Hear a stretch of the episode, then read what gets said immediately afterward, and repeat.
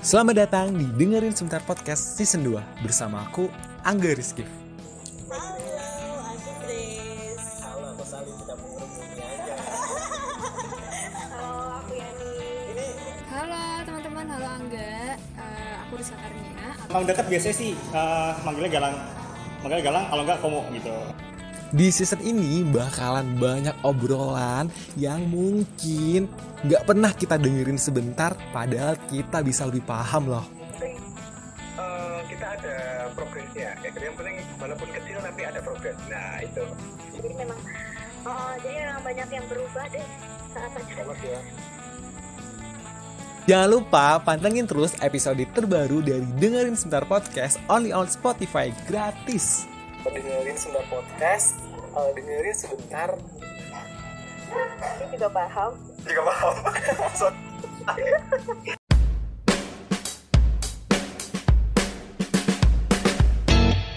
Halo, Hai, sepada. yuhu. Selamat datang di Kosa Rasa. Kosa rasa itu tempat berbagai macam rasa. Bisa diungkapin melalui kata. Aduh, Yes, seru banget. tanpa menjustifikasinya. Waduh, lebih mantap.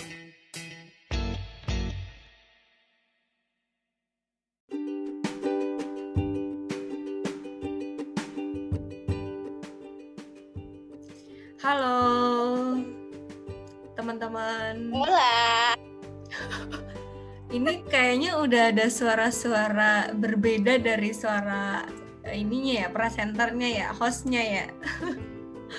Oke. Suara Heeh. Nah, hari ini eh, episode pod- podcast hari ini tuh tentang eh, kisah inspirasi. Nah, di sini aku tuh nggak sendirian, guys. Jadi aku ditemenin sama sosok inspiratif dari sebuah kabupaten di Jawa Tengah gitu. Dia adalah seorang pendongeng eh, yang terkenal di daerah saya gitu. Dia juga eh, pernah jadi eh, pendongeng di kota lain, ter- eh, khususnya di daerah Bandung ya, Heeh, Bandung.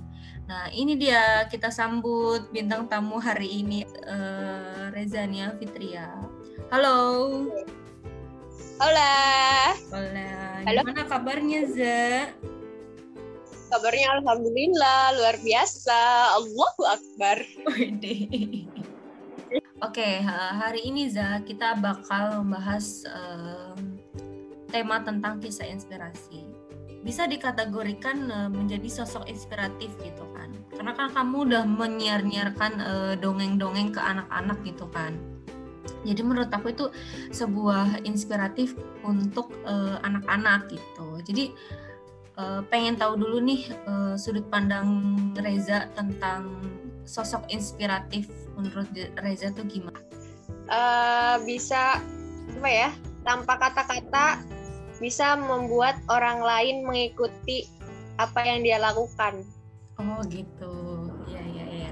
jadi lebih dengan teladan daripada omongan ya Aduh. banyak bukti nggak banyak janji Kalau boleh tahu, em, udah ke mana aja sih Za untuk mendongeng itu? kalau paling jauh ya bu ya ke luar pulau gitu ke Lombok Oh, ke Lombok. itu paling jauh semoga Paling nanti jauh. bisa lebih jauh Selain di mana tadi? Di Lombok ya? di Lombok Heeh. Terus udah ke mana aja nih? Banten Banten, Bandung jelas ya Bandung, Jakarta Jakarta. Cengkareng, Tangerang, terus Jogja, Cilacap, Kebumen jelas ya. Hmm. Lagi? Kebumen, Surabaya, Surabaya. iya pernah deh. Berarti Tapi yang enggak udah- Ini bun, kalau kalau pas corona sebenarnya jangkauannya ya lebih Hmm. luas lagi ya. Sampai ke luar negeri juga. Iya kayak lewat lewat Zoom kayak pesertanya ada dari luar gitu. Oh, per- oh pernah, pernah. ada kelas dulu ada kelas ibu hebat ada kelas ibu hebat kalau anda hebat anda bergabung Maaf, saya belum ibu-ibu, jadi belum dikatakan ibu hebat. tapi udah jadi ibu guru dong Waduh, iya sih ya. Ya pernah lah, pernah, pernah, pernah. Berarti dulu udah pernah ada dari Mesir ada pernah Oh pernah. Oh ya teman-teman yang belum tahu, eh, jadi si kakak Reza ini dia itu dulu jurusannya tuh sastra Arab ya Zaya. iya betul betul. Dulunya tuh dia lulusan sastra Arab, terus dia hijrah, terus eh, tahu-tahu sekarang kayak lebih mencintai dunia anak-anak gitu kan. Kan bisa dikatakan menurut aku sih hijrah sih ya dari em, basicnya sastra Arab terus kita lebih mendalami dunia anak-anak gitu. Eh, mendongengnya itu udah sampai ke luar negeri gitu kan. Nah itu berarti pakainya bahasanya bahasa Inggris kah? enggak anda jangan ini ya jangan terlalu eh, melebaikan mohon maaf Jadi kan imajinatifku tuh gitu tahu. Oh berarti kalau ini luar negeri otomatis kan bahasa mendongengnya pakai bahasa mereka dong gitu. ini ada ada sebuah organisasi bikin acara Heeh.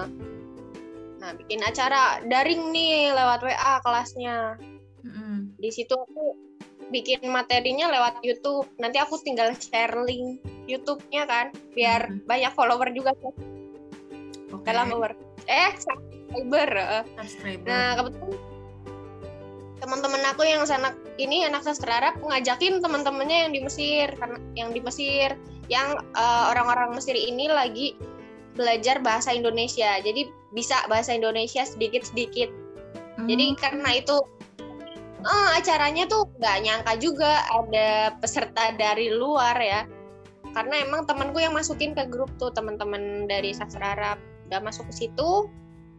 Akhirnya saling simpen kontak kan, sambil saling simpen kontak WA. Jadi di situ tuh eh, eh, jelasinnya pakai bahasa Arab sebisanya aku aja juga kan udah beda bahasa Arab yang sehari-hari di sana sama bahasa Arab yang dipelajari sama pelajar-pelajar Indonesia kan terlalu baku kalau buat ngobrol sehari-hari gitu. Jadi belum belum yang event-event yang benar-benar jadiin aku pembicara, aku gue apa aing sih di sini nyebutnya saya, saya Bebas senyamannya aja sih. ini belum belum bisa dikatakan international storyteller tuh belum. Ya semoga aja ya. Oke, pesertanya itu anak kecil atau em, pelajar gitu. Kalau untuk kelas dongeng ya, baik ma- baik luring maupun daring itu rata-rata orang dewasa karena eh, materinya itu yang bikin mereka menjadi bisa belajar mendongeng dari dari awal. Kayak, kayak gimana tipsnya apa aja yang disiapin sebelum dongeng. Nah kalau acara-acara anak-anak yang secara langsung maupun tidak langsung kayak misal Isra Mi'raj terus perpisahan kelas 6 nah itu baru pesertanya ada anak-anak kecilnya. Ada dua kegiatan gitu kegiatan mendongeng dan kegiatan pelatihan dongeng nah pelatihan ini seringnya orang-orang dewasa kayak gitu Hmm. Oke oke oke.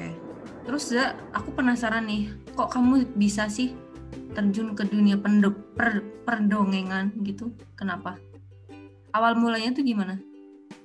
Awal mulanya ya sebenarnya kan ibu tahu sendiri ya saya pendiam dulu waktu di SMP kan eh MTS Iya iya iya iya. iya.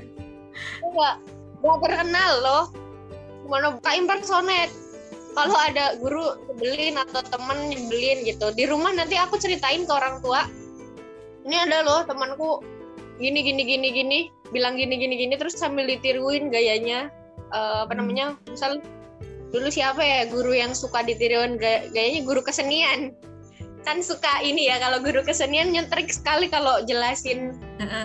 abah nada terus iya kan bisa kebayang anda jadi dia dari situ eh, aku pu- kayak oh aku bisa memahami karakter orang ya terus menyampaikan kembali ke orang lain jadi orang lainnya ikut ngakak ikut oh gitu ya dong gitu ya Heeh. Hmm. intinya tuh bakat mendongeng itu berawal dari bakat ngerum Bakat ngerumpi maksudmu? ngerumpi dong, gitu. Ngomongin orang. Karena dongeng juga ngomongin orang. Entah orangnya itu fiktif ataupun nyata gitu. Mm-mm. nah dari situ tuh em, suka baca dulu ya. Waktu belum kita belum kayak sekarang kan banyak kerjaan jadi nggak suka udah nggak suka baca. Dulu suka baca. Kalau di SMP atau di SD itu suka banget ke perpus. Iya karena mikirnya dulu eh, masuk sastra aja deh. Kalau nggak masuk PGSD masuk sastra. Di mana aku masih bisa mendalami dunia dongeng dan anak-anak gitu. Mikirnya dulu kayak gitu. Terus em, akhirnya dari situ mm-mm. Alit kan pendongeng perawan anjay mulai terkenal tuh berarti Terus? masa-masa kuliah gitu ya? Atau udah? Eh, belum Oh belum. belum belum belum kuliah masa-masa akhir kelas 12 jadi Oh kan SMK. eh, iya yang membuat Aing terkenal adalah kenarsisan Aing di sosmed bu Oh, sosmed menjunjung tinggi kenarsisan kita gitu kan. Itu banyak yang inbox gitu kan itu ah kegiatan apa ya gitu gitu karena Ada kepo Kalau gitu misal- kan. udah kepo itu aku lagi dongeng kayak gitu, gitu. akhirnya Ngeboom. aku PTN ke Bandung Mm-mm.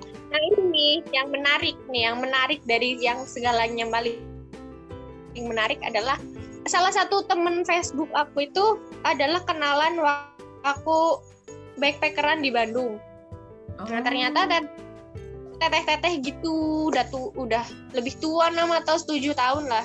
Tapi aku kan suka backpackeran ya dari SMK dulu tuh suka pergi ke mana-mana sendiri gitu.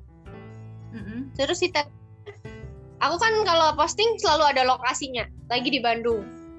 Iya. Aku lagi di Bandung. H plus 2 atau H plus 3 SBMPTN ditawarin eh, mau nggak mendongeng di acaranya eh, Darut Tauhid. Oh, Darut- iya, Darut- iya. Agim ya cuy. Agak Aku nggak-.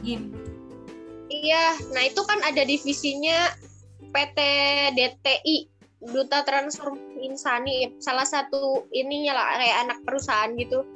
Nah lokasinya tuh di Pine Forest, lucu lah di hutan gitulah, hutan-hutan pinus Mm-mm. tuh lokasi. Tuh, terus saya aku bilang apa namanya nggak tahu lokasinya, terus anak masih baru lah di Bandung nggak tahu Pine Forest juga susah diakses.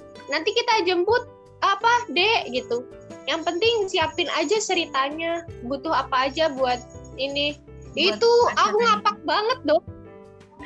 Orang, ngapak ngedongeng di Bandung. Bayangkan aku Aha. dikatain sama anak-anaknya. Eh, ih pendongengnya Jawa banget ya. Ilmu juga di Pulau Jawa anak-anak.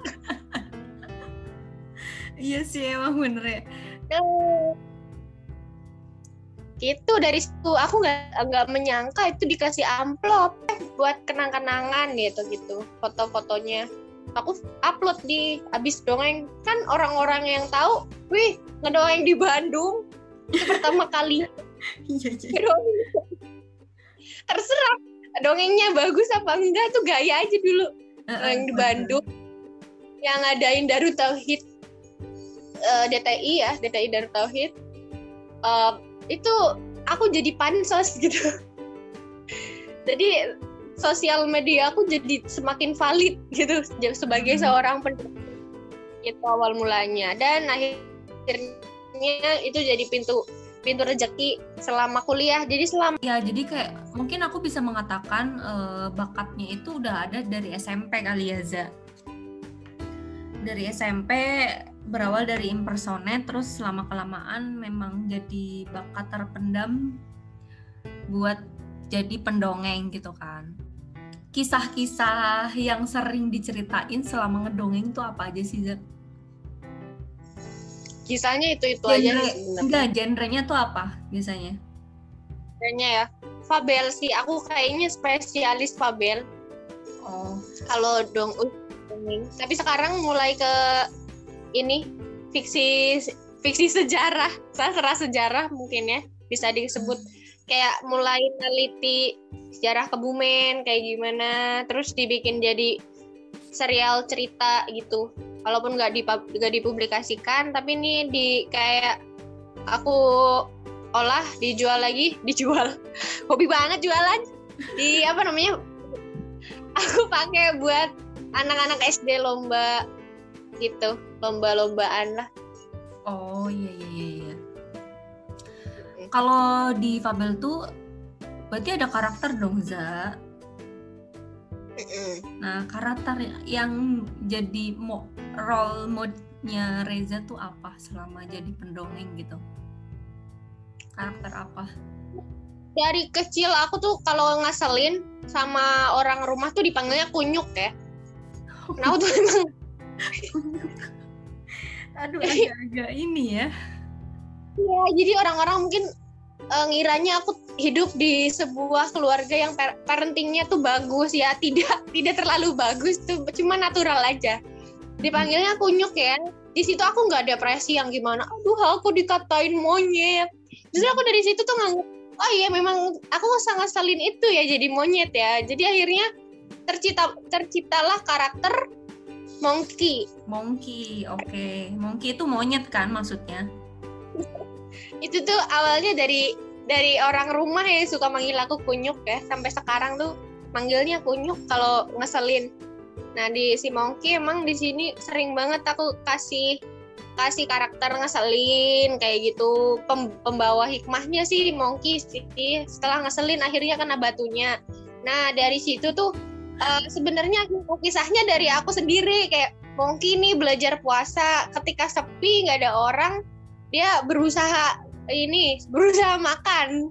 Tapi tetap aja eh, bakal dicatat gitu karena Allah maha melihat. Kayak gitu kayak sebenarnya kisah bener-bener karena kenakalan aku ketika kecil gitu dan bagaimana eh, menyadari kalau itu tuh salah gitu. Tapi kan pada saat itu kita tidak tahu guys. Tidak bisa membedakan mana yang salah mana yang benar.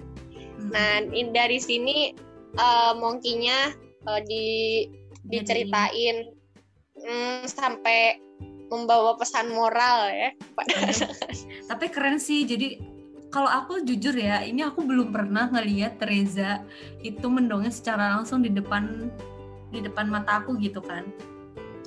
Jadi kabur private tapi karena eh apa sih? Karena kekuatan sosial media gitu kan, kekuatan sosial media aku jadi tahu istilahnya tahu eh, siapa sih si Reza sang pendongeng gitu kan. Karena kan Heeh, karena udah terkenal. Ih, gila ini temen S temen MTS aku dulu asik kalau udah terkenal aja jadi nginget ya. Iya, eh, ini tuh temen MTS aku kok eh, istilahnya terkenal mendongeng. Nah dari situ kayak apa ya? Kayak aku tuh ngerasa ih ternyata memang keren gitu. Istilahnya tuh eh, dia tuh punya punya apa ya? Punya bakat di bidang kayak gitu. Jadi di, bakat di, di bidang per, pendongengan gitu. Gitu sih. Jadi kayak bisa nih dijadiin inspirasi nggak cuman buat anak-anak ya emang kalau anak-anak kan eh, terutama sekolah dasar sama TK gitu kan. Emang mereka kan sananya di- diceritain gitu kan diceritain. Terus eh, dengan eh, apa sih ya tokoh-tokoh yang lucu ataupun yang unik kan pasti mereka seneng kan. Tapi ini juga bisa memberikan inspirasi ke orang dewasa. Eh, orang dewasa tuh kan nanti bisa memberikan eh, kayak apa ya kayak inspirasi juga ke siswanya ataupun ke anaknya gitu kan maksudnya. Semua orang bisa mendongeng ya selama orang itu bisa merumpi Eh, tapi banyak yang nggak mau. Apa namanya kayak emang ceringe guys. Kalau mendongeng itu ceringe. Eh, very very ceringe guys. Apa namanya? Orang dewasa tuh jaim jaim. Iya aku sendiri juga mau. gitu tau Za gak mau berekspresi gitu Nggak depan anak-anak. padahal eh, padahal anak-anak tuh suka dengan kekonyolan orang dewasa di depannya gitu. Karena dimensi mereka dimensi konyol-konyol. Gitu. Kalau misalkan kita mau nasehatin anak pakai eh, gaya eh, cara pikirnya orang dewasa susah. Apalagi dengan kekerasan ya sangat-sangat susah. Malah menimbulkan bibit-bibit penjahat generasi penjahat yang banyak jadi kalau misalkan dengan mendongeng gitu kan, mesti dengan mesti dengan gaya gaya yang lebih santai, lebih happy sama anak-anak, lebih lucu, lebih cute. Lebih ciut. Mereka mereka lebih bisa terima eh, kasih sayang atau kalau nasihat-nasihat orang tua tuh dengan baik itu guys. Mm-mm. Keren sih. Ya, jadi Berarti aku harus belajar ya, ya keren ya aku keren banget sih. Karena aku sendiri tuh jujur untuk mendongeng itu belum bisa. Dulu eh, semester berapa sih kemarin tuh semester 2 oh ya. Eh semester 1 aku tuh pernah eh, dapat mata kuliah sastra anak gitu kan. Nah, di sastra anak itu emang dosen aku tuh kayak mengharuskan untuk bercerita gitu kan. Jadi tugasnya tuh bercerita apalah. Jadi eh, kita menceritakan kisah entah itu fabel ataupun apalah. Kita eh, menceritakan ke teman kita sendiri di kelas gitu kan. Nah, dari hampir satu kelas gitu ya, Za. Satu kelas itu padahal dia basicnya tuh pendidikan dasar ya. Kalau orang pendidikan dasar kan memang dia lingkungannya pun eh, di lingkungan anak-anak kan. Tapi hampir dari satu kelas itu nggak semuanya tuh bisa mendongeng gitu kan. Jadi menurut aku emang eh, skill mendongeng itu perlu banget gitu. Perlu banget bener-bener perlu gitu. Yang tadi kamu udah sampein gitu kan eh, memberikan nasihat tuh nggak harus kita ngomong bla bla bla segala macam dari A sampai Z dengan bahasa kita itu kadang-kadang emang belum bisa diterima sama anak-anak. Nah, mungkin dengan mendongeng ini bisa jadi eh, cara untuk menyampaikan si nasihat itu ke anak gitu sih. Jadi kayak, aduh, gue tuh harus belajar nih sama Reza. Wede. Harus belajar menjadi alay. jadi besok deh kapan-kapan aku mau belajar sama Reza. Ngomong doang sih, Oh. Za. Biar lebih menarik aja. Sebenarnya kamu tuh udah bisa, udah bisa. tapi itu enggak apa ya aku aku sendiri pun kayak garing gitu kalau cerita gitu kalau cerita tuh Kamu garing jadi kayak Aku juga masih merasa garing, tapi anak-anak enggak. Anak-anak enggak. Nah, itu. Nanti kamu sesuaiin aja umurnya. Kalau yang yang cute-cute gitu emang hanya untuk anak-anak yang belum tercemar oleh konten-konten dewasa ya kalau kon- udah tahu konten-konten dewasa dikasih tahu ada kancil mencuri timun bingung dia Iya orang sih, yang bener. suka mencuri menteri gitu oke berarti kan emang eh, ya menurut aku skill mendongeng itu penting sih. Jadi kayak ya itu yang tadi kita obrolin. Jadi kayak memberikan inspirasi ke anak-anak orang tua dan orang-orang yang memang membutuhkan hiburan juga kan. Nah eh, selain itu kan tadi udah ngedongeng kan. Berarti kan intinya eh, mendongeng itu kayak sosok inspirasi memberikan inspirasi ke lingkungan sekitar kita kan nah selain itu tuh aku kayaknya tahu deh kamu tuh kan tadi udah nyinggung yang taman baca ya. Nah, taman baca itu tuh gimana sih Za taman bacamu tuh? Bisa ceritain gak sih? S- eh, singkat aja deh, singkat. Biar nggak terlalu panjang lebar. taman baca aku sebenarnya nggak terlalu taman baca banget ya karena bukunya juga nggak banyak terus eh, apa namanya nggak ada admin yang gimana gimana gitu. Belum ada belum tercatat gitu bukunya apa aja. Ya udah hilang hilang aja gitu. Cuma sih bisa dibilang cuma sebatas perpustakaan keluarga yang dibuka untuk umum gitu. Kayak kepemilikannya kepemilikan pribadi tapi boleh dipinjam oleh masyarakat sekitar di situ. Dan belum punya database yang eh, memadai seperti taman baca lainnya. Mungkin ke depan bisa bisa berkembang lagi. Namanya jatuh eh namanya jatuh. Jatuh Jatuhnya lagi namanya. jatuh lagi. Oh iya iya. jadi bilang ini cuma masih masih proses ya. Ke depannya si taman baca ini akan menjadi tempat bimbel yang ada taman bacanya. Atau benar-benar menjadi taman baca yang seutuhnya gitu. Masih proses masih mencari-cari model taman baca yang enak di desa tuh eh, yang kayak gimana gitu Oke oke. guys Tapi eh, itu juga kayak aja tempat inspirasi juga sih Za. Karena kan aku juga udah ngelihat secara langsung gitu kan. Gimana prosesnya, terus juga eh, apa aja yang diajarin di situ dan yang paling menarik tuh di taman baca itu eh, kamu tuh ngajak menghususkan untuk anak-anak di sekitar desa kan. Kalau di desa kan memang pendidikannya ya memang ada yang kurang, ada yang ini kan. Nah, kamu tuh mengutamakan pendidikan eh, anak eh pendidikan anak-anak di sekitar desa yang mereka tuh bisa dikategorikan untuk putus sekolah gitu kan ya, Za? betul betul Kok bisa sih, Za, kayak gitu, Za? Kok bisa gitu? Padahal kan mungkin ini di- Padahal kan Apa? bisa dibisnisin gitu kan. Kalau orang-orang sekarang tuh kan mikirnya kayak gitu kan. Tapi kok kamu tetap gitu eh, mengutamakan anak-anak yang memang putus sekolah terus eh, kamu dengan sukarela eh, ayo ke sini gitu. Kita belajar bareng-bareng gitu kan. Kita belajar bareng-bareng, eh, kita bermain, kita belajar. Jadi kayak menurutku tuh kayak wow gitu kan. Jadi bisa dijelaskan tolong Ibu Reza Oke.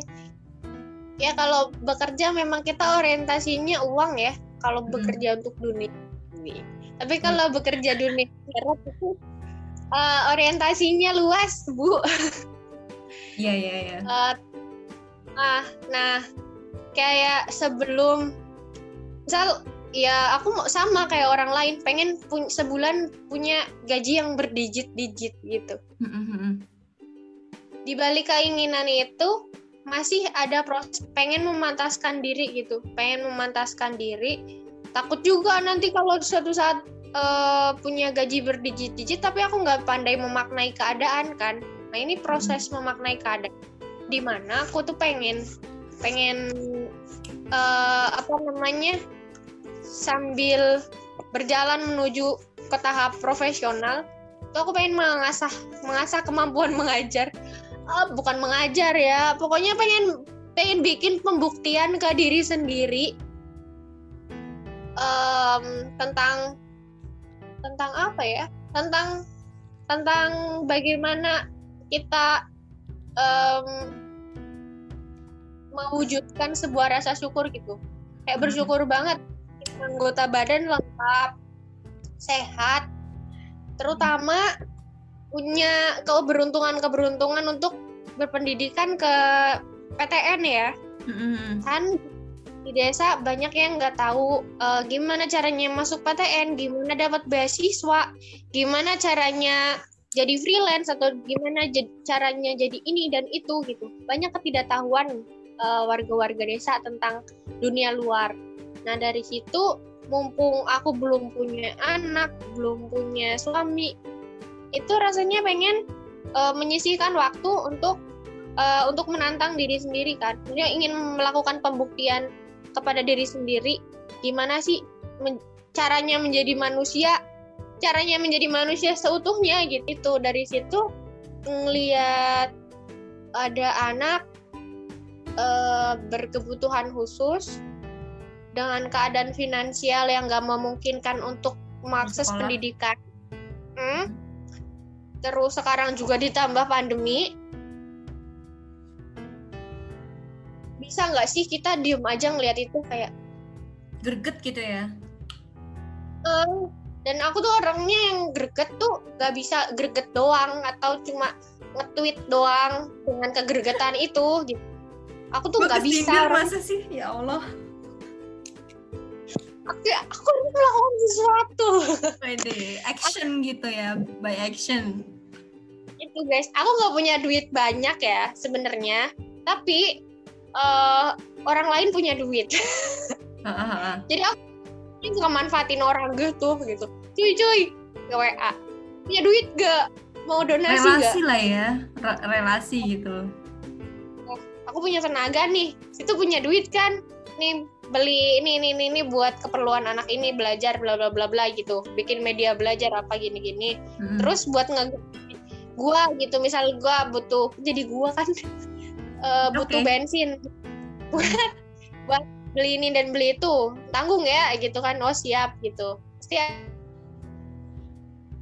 mau alhamdulillah mau nih mau mendukung berjalannya si aksi ini. Terus misalkan aku sibuk kerja balik lagi ke aku. Aku sibuk kerja terus mau eh, ngerekrut guru-guru baru. Nah aku siapin dana untuk membayar mereka karena aku nggak mau kegiatan sosial yang merugikan relawan. Relawan relawan itu harus Sejahtera. dibayar. Iya harus dibayar jasanya. Gitu aku tuh karena aku pernah jadi relawan. Jadi eh, kalau yang aku tangkap ya tadi tuh, jadi adanya taman baca ini karena ada satu greget gitu kan, satu keinginan eh, mewujudkan rasa syukurnya itu kan, memaknai hidup lah intinya gitu, memaknai hidup melalui eh, menginspirasi orang-orang sekitar karena kan kita pendidikannya udah ya bisa dikatakan tinggi lah karena emang udah masuk udah jadi sarjana gitu kan udah jadi sarjana jadi kita mengedukasi orang-orang sekitar ini loh pendidikan tuh penting loh gitu kan. Makanya kamu bikin sebuah taman baca yang biar orang-orang sekitar yang memang dia putus sekolah ataupun dia mempunyai ke- eh, kebutuhan khusus gitu anak-anak berkebutuhan khusus untuk tahu gimana eh, kita tuh harus belajar kita tuh harus bisa eh, bisa tahu tentang dunia pendidikan gitu kan maksudnya Iya, semua berangkat dari keresahan ya. Ketimpangan sosial di sekitar kita itu cukup parah. Ah, jadi sebuah gerakan yang kecil semoga jadi eh, apa namanya perubahan besar buat eh, sekitar kita gitu. oke oke oke keren sih menurutku Eh, Iya kan aku udah bilang apa kan udah udah dibilang dari tadi Anda keren. memuji diri sendiri cuy Iya, daripada aku loh. Enggak, enggak. Ya, enggak, enggak kan biasa aja. Udah yain aja, emang keren banget. Oke, tapi emang iya sih eh, orang-orang orang-orang yang seperti ini mesti eh, hatinya bergu- tergugah untuk mengambil sikap kayak gitu tuh jarang gitu za. Biasanya tuh acuh tak acuh ya udah sih ya udah sih. Jadi kayak memang ya bodoh amat gitu. Kita nggak peduli gitu. Paling cuman iya ih kasihan misalnya iya ih itu cuman hanya verbal termasuk gue gitu kan termasuk gue sendiri. Hanya cuman greget doang tapi nggak ada action gitu. Jadi orang-orang yang orang-orang yang berani untuk membuat action itu menurut aku tuh hebat gitu. Mereka tuh berani mengambil resiko eh, berani kayak memper mempertaruhkan bukan mempertaruhkan mengorbankan tenaga dan pikiran mereka gitu kan. Gitu sih. Jadi kayak eh, intinya sih menginspirasi gitu za. Kayaknya udah udah sih itu dulu kalau buat tema si eh, kisah inspirasi. Jadi emang dari obrolan kita tuh sebelumnya eh, banyak sih kisah-kisah inspirasi gitu. Kisah inspirasi dari dari mendongeng yang bener-bener kayak memberikan edukasi ke anak-anak. Terus sekarang juga kamu mendiri eh, masih menjalankan si taman baca ini gitu. Banyak nggak nggak hanya inspirasi tuh nggak hanya apa ya bacaan doang kan. Jadi kayak kita tuh praktek menjadi role model ke anak-anak pun juga perlu gitu kan. Kan ada orang yang terinspirasi dari eh, novel ataupun karya-karya tulis gitu kan. Mereka menginspirasi. Tapi eh, selain itu tuh bisa pakai action eh, di contohnya tuh kayak pendongeng gi- gini gitu. Reza kayak ada nggak sih pesan-pesan buat eh, orang-orang lain ya aku juga bisa sih jadi eh, menginspirasi aku juga gitu kata-kata. Mm. Jadilah orang yang peka. Wede. Oke, jadilah orang yang peka ya. Karena dari peka Kunci jadi peka kita bisa merasakan perasaan orang lain dan dari sebuah rasa itu kita bisa menentukan keputusan-keputusan dalam hidup kita. Iya. Aduh. tangan buat Ibu Reza, guys. Iya. Kan wahyu pertama yang itu ikro kan Aha. tentang eh, salah ya. Kalau membaca tanpa kepan itu eh, bisa jadi salah fok gitu, salah fokus. Oke, oke. Ini terima kasih ya Ibu Reza sudah meluangkan waktu di episode podcast hari ini sangat memberikan inspirasi gitu. Oke, eh, mungkin eh, next episode kita bisa join lagi ya dengan Ibu Reza karena dilihat-lihat selain menginspirasi juga memberikan eh, inspirasi di bidang bisnis kayaknya ya Za. Cuan. Oke, terima kasih Reza. Next episode lah insya Allah kita bikin lagi. Oke. Oke, terima kasih. Dadah. Ah,